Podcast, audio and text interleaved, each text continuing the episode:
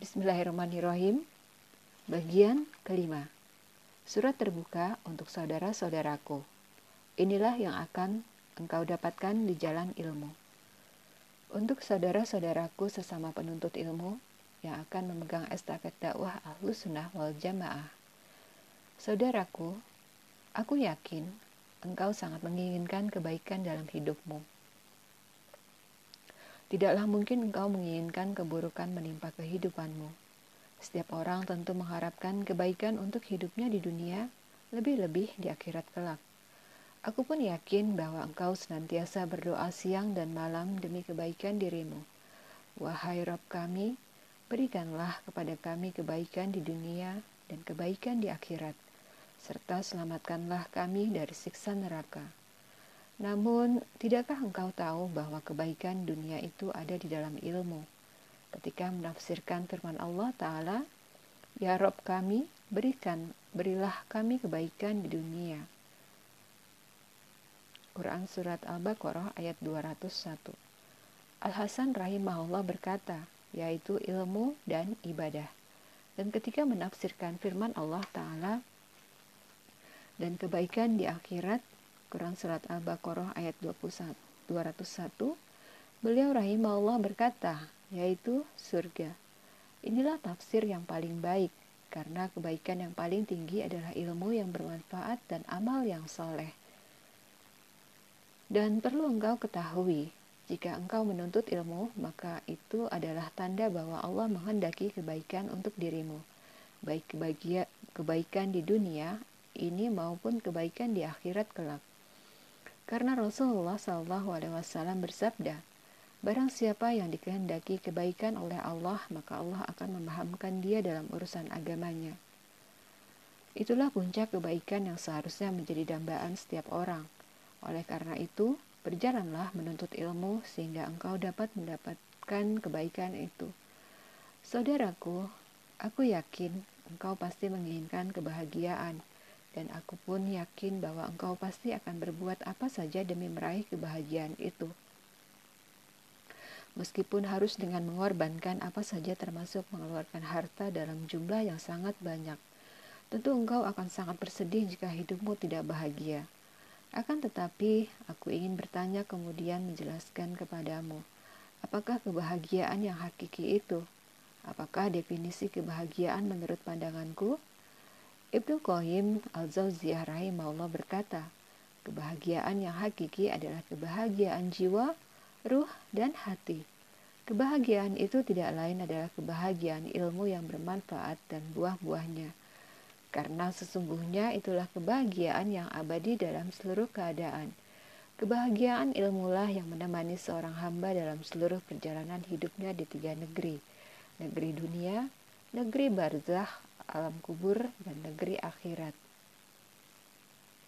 Rasulullah Shallallahu Alaihi Wasallam bersabda, sesungguhnya dunia itu hanya diberikan kepada empat kelompok. Kelompok pertama yaitu seorang hamba yang diberi rezeki oleh Allah berupa harta dan ilmu. Dia bertakwa kepada Allah dengan hartanya, menyambung tali silaturahim dan mengetahui hak-hak Allah di dalamnya. Inilah keduduk, inilah kedudukan yang paling baik di sisi Allah.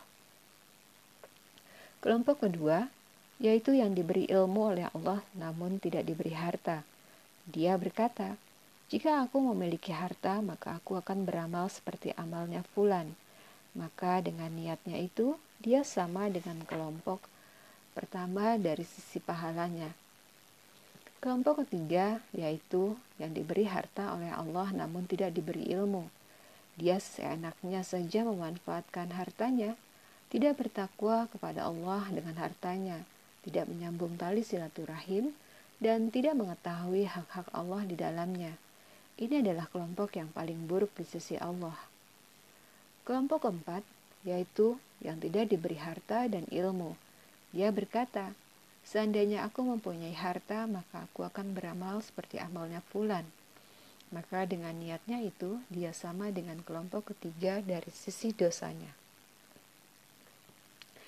Ibnu Qayyim al-Jauziyah rahimahullah berkata, mengomentari hadis ini, Nabi Shallallahu Alaihi Wasallam membagi penduduk dunia ke dalam empat kelompok. Kelompok pertama, kelompok terbaik di antara mereka, yaitu yang diberi harta dan ilmu. Dia berbuat baik kepada masyarakat dan kepada dirinya sendiri dengan ilmu dan hartanya. Kelompok kedua, kelompok yang diberi ilmu namun tidak diberi harta. Pahala kelompok pertama dan kedua itu sama karena niatnya. Jika tidak, maka kelompok pertama yang berinfak dan bersedekah berada di atas kelompok kedua karena infak dan sedekahnya. Orang yang berilmu namun tidak memiliki harta, maka sama pahalanya dengan kelompok pertama dengan niatnya yang bersungguh-sungguh dan tidak dilanjut dan tidak ditindak lanjuti dengan apa yang mampu dilakukannya, yaitu mengucapkan niatnya. Kelompok ketiga, kelompok yang diberi harta namun tidak diberi ilmu.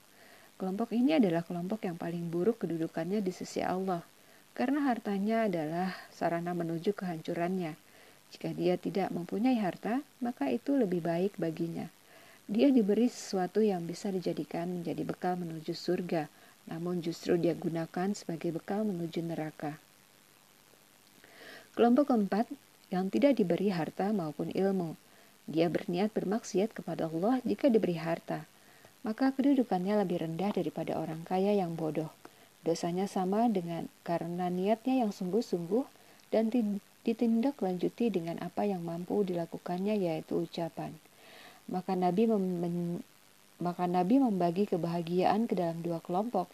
Beliau menjadikan ilmu dan amal sebagai sebab untuk meraihnya. Beliau juga membagi kecelakaan ke dalam dua kelompok dan menjadikan kebodohan beserta akibat-akibatnya sebagai penyebab kecelakaannya. Maka seluruh kebahagiaan kembali kepada ilmu dan konsekuensinya dan seluruh kecelakaan kembali kepada kebodohan dan buahnya. Allah Ta'ala pun memerintahkan kita untuk bergembira dan berbahagia dengan karunia yang, dan rahmatnya yang telah dia berikan kepada manusia berupa ilmu dan amal soleh. Allah Ta'ala juga mengabarkan bahwa keduanya itu lebih baik dari apa yang telah kita kumpulkan. Allah Ta'ala berfirman, Katakanlah dengan karunia Allah dan rahmatnya, hendaklah dengan itu mereka bergembira. Karunia Allah dan rahmatnya itu adalah lebih baik dari apa yang mereka kumpulkan. Quran Surat Yunus ayat 58 Syekh Abdurrahman As-Sa'di rahimahullah menjelaskan bahwa yang dimaksud dengan karunia Allah dalam ayat di atas adalah Al-Quran, yang merupakan nikmat dan karunia Allah yang paling besar, serta keutamaan yang Allah berikan kepada hambanya, Sedangkan yang dimaksud dengan rahmatnya adalah agama dan keimanan. Dan keduanya itu lebih baik dari apa yang kita kumpulkan berupa perhiasan dunia dan kenikmatannya. Al-Quran dan iman ini tidak lain dan tidak bukan adalah ilmu yang bermanfaat dan amal soleh. Ibnu Qayyim rahimahullah berkata, Iman dan Al-Quran, keduanya adalah ilmu yang bermanfaat dan amal soleh. Keduanya adalah petunjuk dan agama yang benar serta ilmu dan amal yang paling utama. Itulah kebahagiaanku. Aku pun yakin bahwa kebahagiaan itu pula yang akan membuat engkau selalu tersenyum gembira. Apakah engkau tidak menginginkan untuk meraih kebahagiaan itu? Saudaraku, apakah engkau menghendaki agar hidupmu mapan dan berkecukupan? Dapat menghidupi diri sendiri beserta keluarga besok dan tidak bergantung kepada orang lain? Atau mungkin engkau menghendaki agar dirimu hidup dengan harta yang melimpah ruah dan tidak disempit rezekinya? Lalu, apakah engkau ketika engkau tolabul ilmi, kemudian nanti jatuh miskin dan tidak punya harta, menjadi sempit hidupnya dan tidak punya apa-apa hanya karena tidak menyandang gelar sarjana? Apakah ketika kita lulus sarjana itu merupakan jaminan bahwa kita akan hidup mapan dan berkecukupan?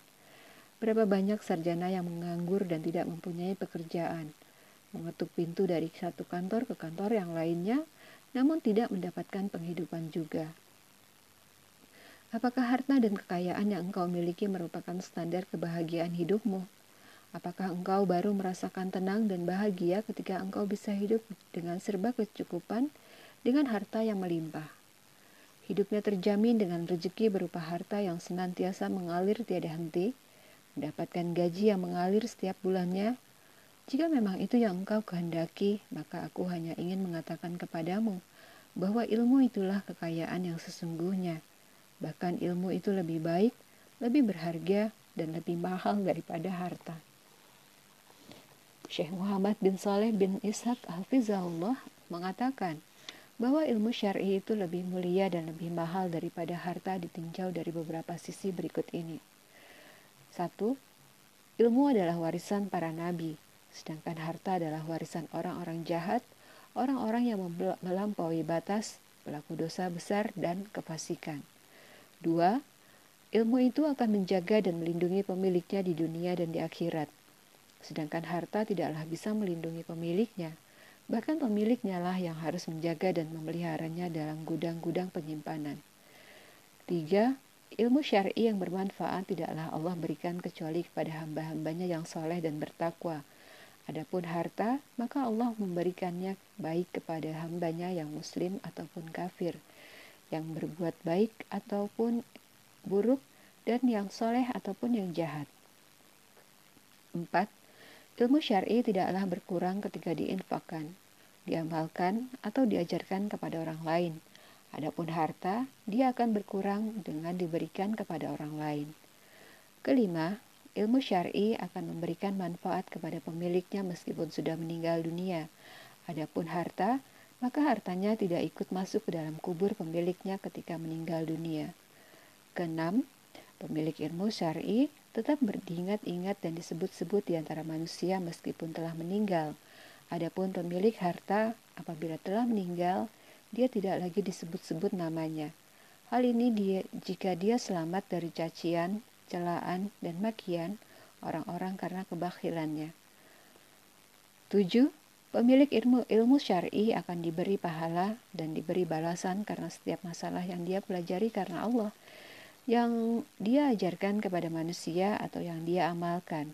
Adapun pemilik harta, maka dia akan ditanya dari mana hartanya diperoleh dan ke mana hartanya diinfakkan.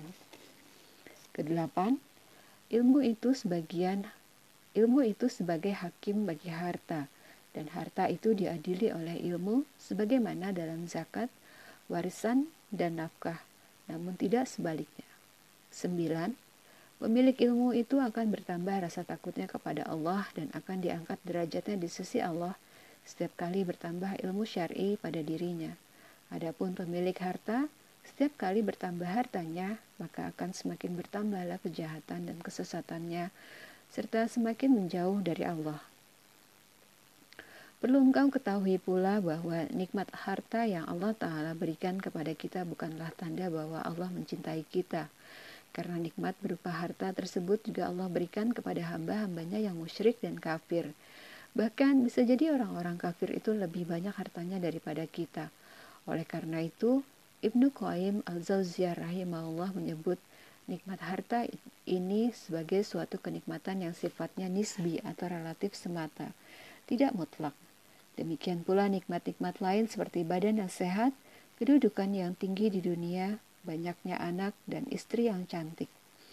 Bahkan sebaliknya, bisa jadi kenikmatan berupa harta ini adalah bentuk istidraj atau hukuman dari sisi yang tidak kita sadari dari Allah Ta'ala sehingga manusia semakin tersesat dan semakin menjauh dari jalannya yang lurus atau bisa jadi merupakan bentuk ujian dari Allah Ta'ala kepada manusia. Ibnu Qayyim al-Zawziyah rahimahullah berkata, Ketika nikmat yang sifatnya nisbi merupakan suatu bentuk istidraj bagi orang kafir yang dapat menjerumuskannya ke dalam hukuman dan azab, maka nikmat itu seolah-olah bukanlah suatu kenikmatan. Nikmat itu justru merupakan ujian sebagaimana istilah yang Allah Ta'ala berikan dalam kitabnya.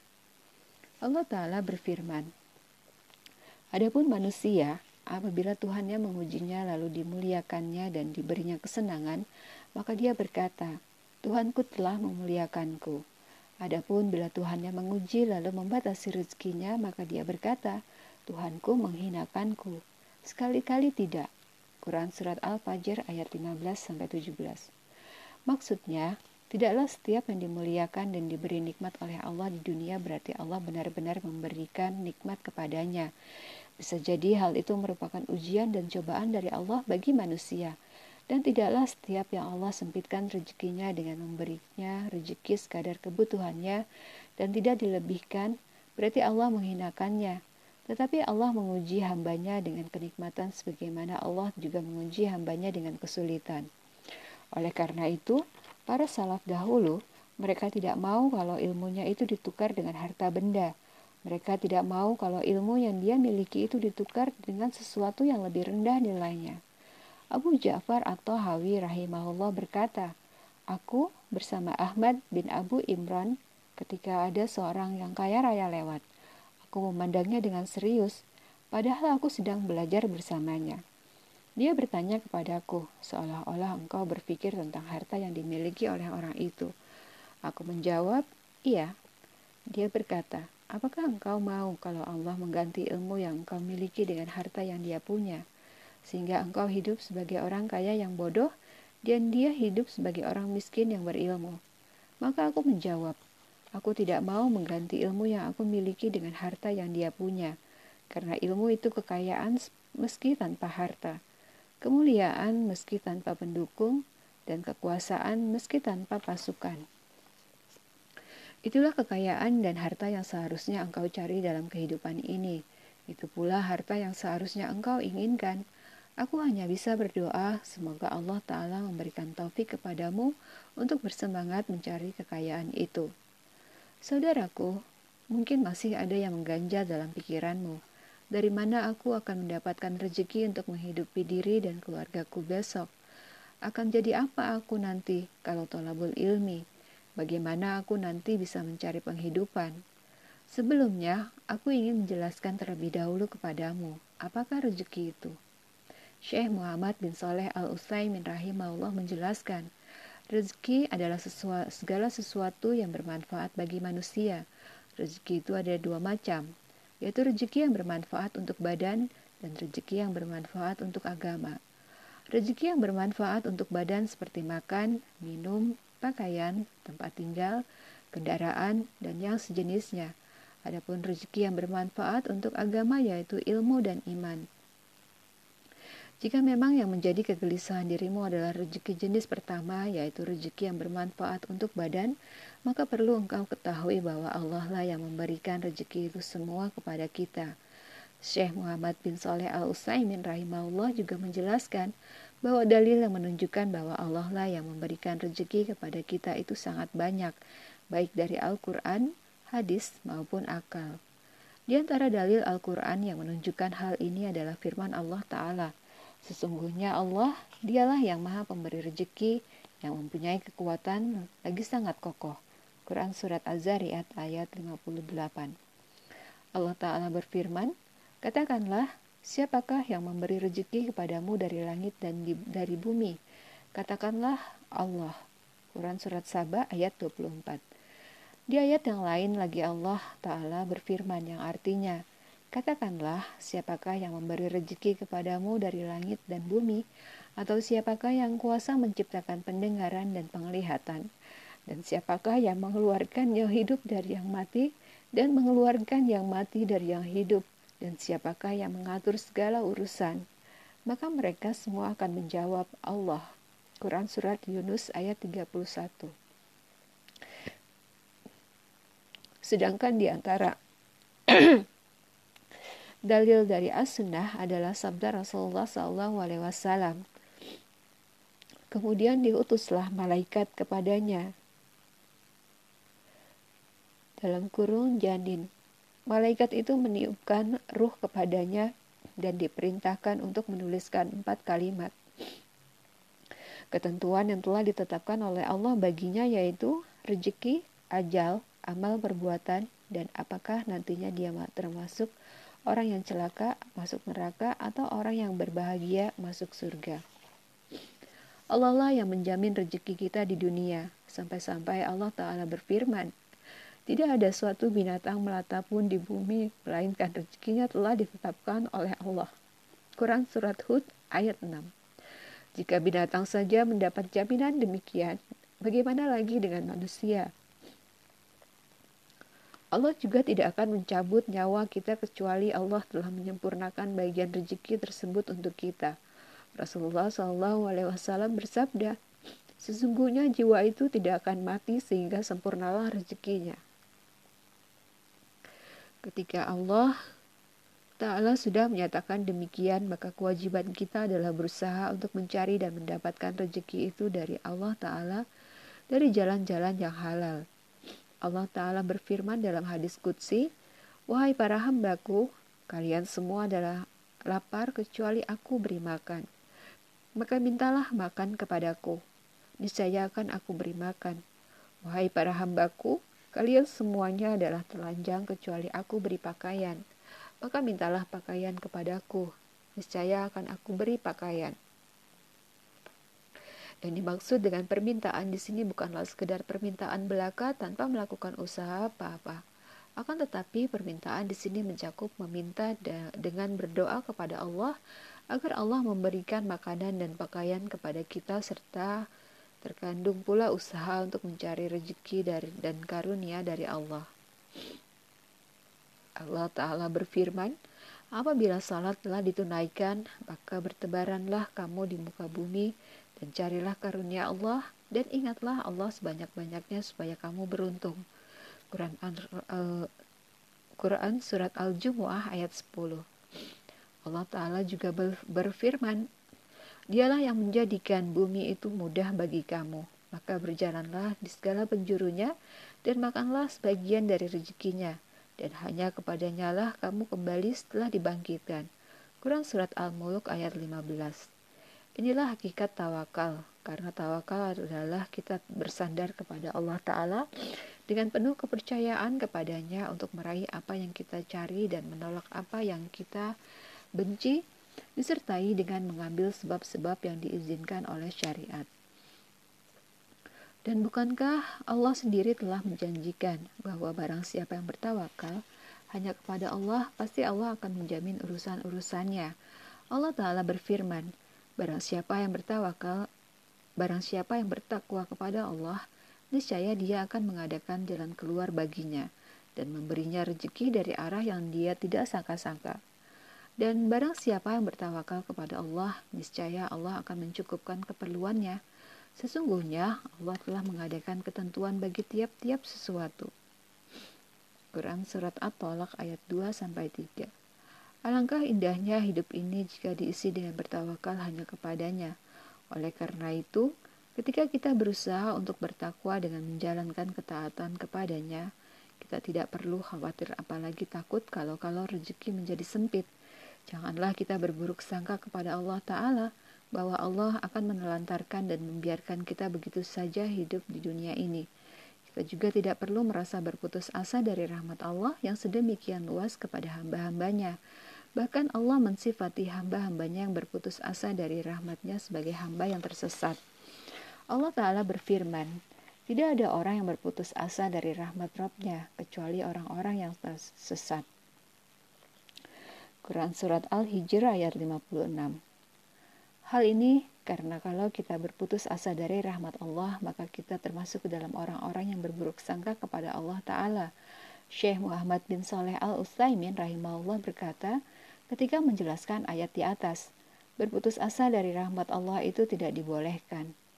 Karena hal itu termasuk berburuk sangka kepada Allah. Yang demikian itu bisa ditinjau dari dua sisi. Pertama, karena mengandung unsur celaan terhadap kekuasaan Allah Ta'ala. Karena barang siapa yang mengetahui bahwa Allah itu maha kuasa atas segala sesuatu, maka tidak ada sesuatu pun yang lepas dari kekuasaannya. Kedua, karena hal itu mengandung unsur celaan terhadap rahmat Allah. Karena barang siapa yang mengetahui bahwa Allah itu maha penyayang, maka tidak ada sesuatu pun yang terlepas dari rahmatnya. Oleh karena itu, berputus asa dari rahmat dari rahmat Allah itu termasuk kesesatan. Apakah sekarang engkau masih merasa khawatir bahwa dirimu akan ditelantarkan oleh Allah di dunia ini ketika menuntut ilmu? Padahal menuntut ilmu itu adalah sarana untuk beriman dan bertakwa. Saudaraku, aku yakin bahwa engkau menginginkan agar dirimu termasuk ke dalam penghuni surganya. Bahkan mungkin itulah cita-cita dan harapanmu yang tertinggi di antara cita-cita dan harapanmu yang lain. Oleh karena itu, aku ingin bertanya kepada dirimu, bagaimana jika cita-cita itu berhasil engkau raih ketika hidup di dunia ini? Bukankah engkau seharusnya akan sangat berbahagia? Dari Ibnu Umar radhiyallahu anhu, Rasulullah shallallahu alaihi wasallam bersabda, "Jika engkau melewati taman-taman surga, maka singgahlah." Para sahabat bertanya, Wahai Rasulullah, apakah taman-taman surga itu? Rasulullah menjawab, majelis zikir. Allah memiliki sekelompok malaikat yang mencari majelis-majelis zikir. Jika mereka mendatanginya, malaikat-malaikat tersebut akan mengelilinginya.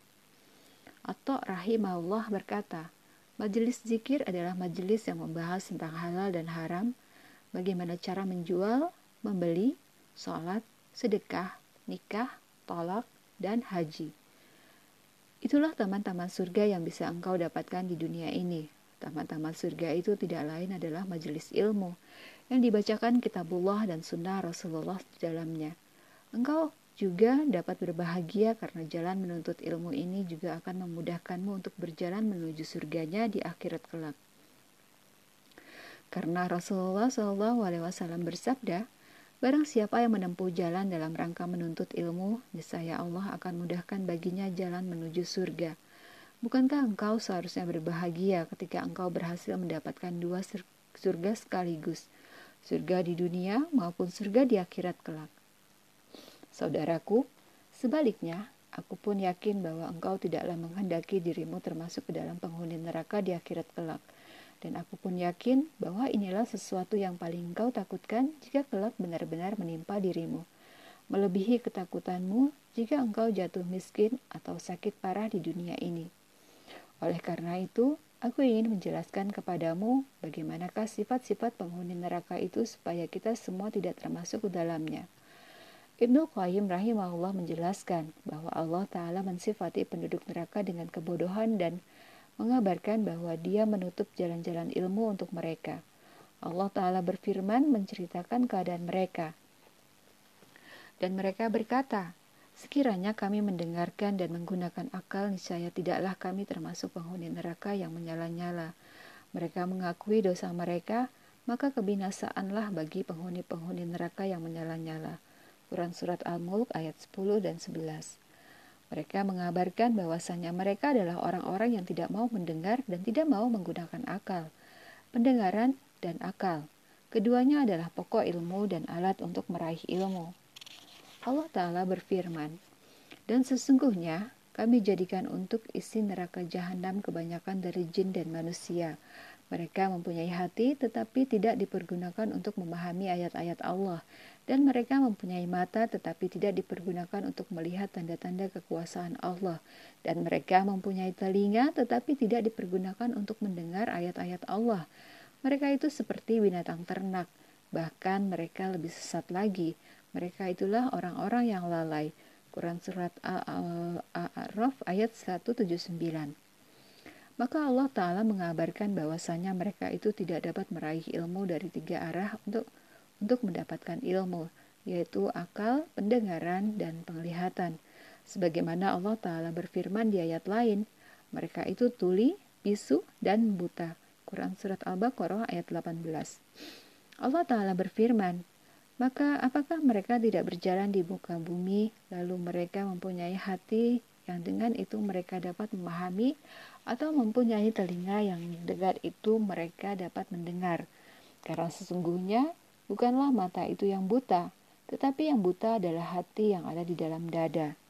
Quran Surat Al-Hajj ayat 46 Allah Ta'ala juga berfirman, kami telah memberikan kepada mereka pendengaran, penglihatan, dan hati, tapi pendengaran mereka pen, tetapi pendengaran, penglihatan, dan hati mereka itu tidak berguna sedikit pun bagi mereka karena mereka selalu mengingkari ayat-ayat Allah dan mereka telah diliputi oleh siksa yang dahulu selalu mereka memperolok-olokkan memperolok-oloknya. Quran Surat Al-Ahqaf ayat 26 Allah telah mensifati para penduduk neraka sebagaimana yang telah kita lihat bersama, yaitu dengan tidak adanya ilmu, kemudian Allah menyerupakan mereka dengan binatang ternak, dan terkadang Allah menggambarkan mereka seperti keledai yang membawa kitab-kitab tebal, namun tidak memahaminya. Di bagian lain, Allah juga menggambarkan bahwa mereka itu lebih sesat dari binatang ternak. Terkadang Allah menyatakan bahwa mereka itu adalah seburuk-buruk makhluk di sisinya.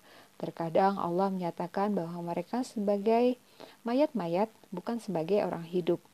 Terkadang Allah mengabarkan bahwa mereka itu berada dalam kegelapan, kebodohan, dan kesesatan. Terkadang Allah mengabarkan bahwa dalam hatinya terdapat penghalang, dalam telinganya terdapat sumbat, dan pada matanya terdapat penutup. Ini semua menunjukkan menjijikannya kebodohan, tercelanya orang yang memilikinya, dan menunjukkannya kebencian Allah kepada mereka. Sebagaimana Allah mencintai ahli ilmu, memuji, dan menyanjung mereka. Setelah engkau mengetahui bagaimana sifat-sifat penghuni neraka itu, lalu bagaimana agar kita tidak termasuk ke dalam penghuninya? Padahal Allah Ta'ala menyatakan bahwa pada dasarnya manusia itu adalah orang-orang yang bodoh, sebagaimana firman-Nya. Dan Allah mengeluarkan kamu dari perut ibumu dalam keadaan tidak mengetahui sesuatu sesuatu pun, dan Dia memberi kamu pendengaran, penglihatan, dan hati agar kamu bersyukur. Quran Surat An-Nahl ayat 78 Tidak ada cara lain untuk mengangkat kebodohan ini dari dalam diri kita kecuali dengan bersungguh-sungguh menuntut ilmu karena ilmu tidak akan pernah mendatangi kita, namun kitalah yang harus mencari dan mendatanginya. Oleh karena itu, Syekh Muhammad bin Saleh Al-Utsaimin rahimahullah berkata, Hendaklah engkau berniat untuk mengangkat kebodohan dalam diri hat, dalam hatimu. Jika engkau belajar dan menjadi seorang ahli ilmu, maka hilanglah kebodohan dari dirimu. Demikian pula, berniatlah untuk mengangkat kebodohan dari umat ini dengan mengajarkan ilmu itu menggunakan sarana apa pun agar manusia dapat mengambil manfaat dari ilmumu. Imam Ahmad rahimahullah berkata, tidak ada suatu amal pun yang, yang sebanding dengan ilmu bagi orang yang benar niatnya. Orang-orang pun bertanya, bagaimana niat yang benar itu? Imam Ahmad rahimahullah menjawab, Seseorang berniat untuk mengangkat kebodohan dari dirinya dan dari selainnya. Syekh Muhammad bin Saleh Al-Utsaimin rahimahullah berkata, karena mereka itu pada dasarnya bodoh, sebagaimana juga dirimu. Jika engkau belajar dengan tujuan mengangkat kebodohan dari umat ini, maka engkau termasuk ke dalam golongan orang yang berjihad di jalan Allah yang menyebarkan agama Allah. Ibnu Mas'ud rahimahullah berkata, Bersungguh-sungguhlah kalian menuntut ilmu sebelum ilmu itu dicabut. Ilmu itu dicabut dengan dimatikannya para ulama. Demi Allah, yang jiwaku berada di tangannya. Sungguh-sungguh orang yang terbunuh sebagai syuhada di jalan Allah itu menginginkan untuk dibangkitkan sebagai seorang ulama karena mengetahui kemuliaan mereka. Dan seseorang tidaklah dilahirkan sebagai orang yang berilmu, akan tetapi ilmu didapat dengan belajar. Oleh karena itu, Kuatkanlah tekadmu untuk mengangkat kebodohan ini supaya tidak termasuk ke dalam penduduk neraka di akhirat kelak.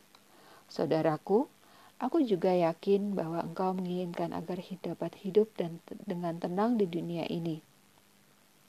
Sebagaimana engkau juga menginginkan untuk dapat hidup dengan damai, hatinya selalu lapang dan tidak sempit. Engkau pasti tidak menginginkan kalau hatimu selalu gelisah, tidak tenang, dan selalu tersiksa batinnya. Oleh karena itu, aku ingin menjelaskan kepadamu dari mana engkau bisa meraih ketenangan dan kedamaian itu.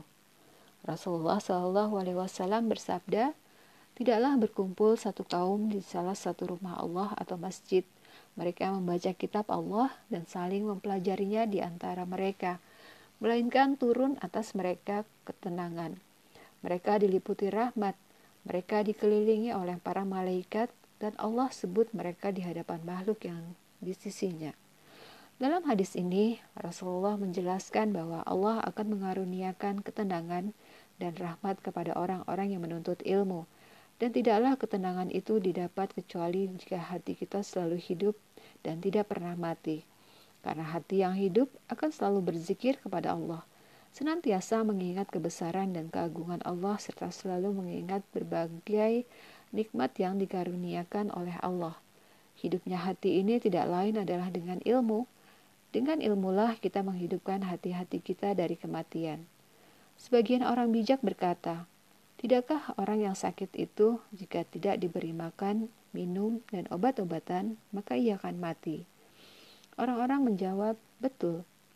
Orang tersebut berkata lagi, maka demikian pula hati. Jika hati tidak diberi ilmu dan hikmah, maka dalam tiga hari hati akan mati. Sungguh benar apa yang dikatakan oleh orang bijak itu. Sesungguhnya ilmu itu adalah makanan, minuman, dan obatnya hati. Kehidupan hati sangat tergantung padanya. Jika ilmu telah menghilang dari hati, maka hati itu seperti mayit. Akan tetapi pemiliknya tidak menyadarinya, sebagaimana orang mabuk yang telah hilang akalnya, dan seperti orang yang sangat ketakutan. Pada kondisi seperti itu, mereka tidak merasakan sakitnya luka, namun, jika mereka telah sehat dan kembali pulih dari sakitnya, maka mereka akan merasakan sakitnya luka tersebut. Itulah ketenangan dan kedamaian hati yang sebenarnya. Jika engkau tidak menuntut ilmu, mungkin yang ada hanyalah kegelisahan dan kesedihan. Mungkin bisa juga hidupmu akan sangat menderita. Oleh karena itu, bersemangatlah dalam menuntut ilmu. Bismillahirrahmanirrahim. Penutup Inilah sedikit pembahasan yang Allah Ta'ala mudahkan bagi penulis untuk menyusunnya. Setelah mengetahui betapa besar manfaat yang akan kita dapatkan dengan mempelajari tauhid, maka semoga hal itu dapat membangkitkan semangat dalam diri kita untuk mempelajarinya. Karena apabila kita tidak menyibukkan diri untuk mengerjakan hal-hal yang bermanfaat, niscaya Allah Ta'ala akan menyibukkan diri kita dalam hal-hal yang tidak ada manfaatnya atau bahkan membahayakan diri kita. Sungguh indah penjelasan yang disampaikan oleh Syekh Abdurrahman As-Sa'di rahimahullah. Beliau rahimahullah berkata, termasuk di antara keajaiban takdir dan hikmah ilahiyah adalah barang siapa yang meninggalkan hal-hal yang bermanfaat bagi dirinya, padahal memungkinkan baginya untuk meraihnya, namun dia tidak mau berusaha meraihnya, maka dia akan mendapat ujian dengan disibukkan dalam hal-hal yang membahayakan dirinya. Barang siapa yang meninggalkan ibadah kepada Allah, maka dia akan mendapat ujian berupa beribadah kepada berhala. Barang siapa yang meninggalkan rasa cinta kepada Allah, takut dan berharap kepadanya, maka dia akan mendapat ujian dengan mencintai, takut, dan berharap kepada selain Allah. Barang siapa yang tidak membelanjakan hartanya dalam ketaatan kepada Allah, maka dia akan membelanjakannya dalam ketaatan kepada setan. Barang siapa yang meninggalkan ketundukan kepada Allah, dia akan mendapat ujian dengan tunduk kepada hambanya. Dan barang siapa yang meninggalkan kebenaran, dia akan mendapat ujian dengan terjerumus dalam kebatilan. Tidak lupa penulis juga mengingatkan kepada diri penulis sendiri dan juga kepada para pembaca yang mungkin telah belajar tauhid agar tidak merasa aman dari fitnah syirik setelah belajar tauhid. Janganlah dengan ilmu yang masih sangat minim ini kemudian kita merasa sombong dan menganggap diri kita tidak akan terjerumus ke dalam kesyirikan. Sungguh indah sebuah nasihat emas yang penulis dapatkan dari Syekh Soleh Fauzan Hafizahullah ketika beliau berkata, Janganlah seseorang tertipu dengan ilmu yang dia miliki, sehingga dia mengatakan, "Aku telah memahami tauhid dan telah mengenal akidah, maka tidak perlu lagi mengkhawatirkanku." Orang itu telah terperdaya, padahal seharusnya dia takut terhadap su'ul khotimah dan kesesatan. Takut kalau dirinya terperdaya dengan orang-orang yang sesat. Berapa banyak orang yang asalnya lurus di jalan di atas jalan kebenaran, kemudian menyimpang lebih-lebih lagi jika terdapat fitnah yang dahsyat. Seseorang paginya masih muslim, namun sorenya menjadi kafir. Atau seseorang sorenya masih beriman, namun paginya menjadi kafir. Dia menjual agamanya dengan dunia, sebagaimana dalam sebuah hadis yang sahih tentang hal itu. Jika terjadi fitnah, maka mintalah ketegaran kepada Allah. Dan jangan mengatakan, tidak perlu mengkhawatirkanku, Aku telah paham dan aku juga mengerjakan sholat. Benar, engkau telah paham dan juga mengerjakan sholat. Alhamdulillah. Akan tetapi, engkau tetap harus mengkhawatirkan dirimu. Dalam sebuah hadis yang diriwayatkan dari Anas radhiyallahu anhu, beliau radhiyallahu anhu menceritakan Rasulullah shallallahu alaihi wasallam memperbanyak doa. Wahai zat yang membolak-balikan hati, tegarkanlah hatiku di atas agamamu. Maka aku mengatakan, Wahai Rasulullah, kami telah beriman kepadamu dan kepada wahyu yang kau bawa. Apakah engkau masih mengkhawatirkan kami? Maka Rasulullah bersabda, Benar, namun sesungguhnya hati manusia berada di antara jari jemari Allah. Allah membolak-balikannya sebagaimana dia yang dia kehendaki. Marilah kita merenungkan hadis ini baik-baik. Kalau para sahabat saja yang merupakan generasi terbaik umat ini masih Rasulullah Shallallahu Alaihi Wasallam khawatirkan kalau terjerumus ke dalam fitnah, maka bagaimana lagi dengan kita dengan kondisi ilmu ya dan iman yang kita yang seperti ini. Semoga Allah Ta'ala senantiasa mengaruniakan nikmat berupa ilmu yang bermanfaat dan amal yang saleh kepada kita semua. Dan semoga Allah Ta'ala memberikan taufik dan hidayahnya kepada kita sehingga kita dapat mempelajari agamanya dan mendakwakannya. Salawat dan salam semoga senantiasa tercurah kepada Rasulullah SAW, keluarga beliau, para sahabat, dan orang-orang yang mengikuti mereka. Amin. Selesai disusun di Lendah Kulon Progo 6 Safar 1430 Hijriah oleh seorang hamba yang sangat butuh kepada Robnya, Dr. Muhammad Saifuddin Hakim. Semoga Allah menerima dan membalas amalan ini. Allahu alam bisawab.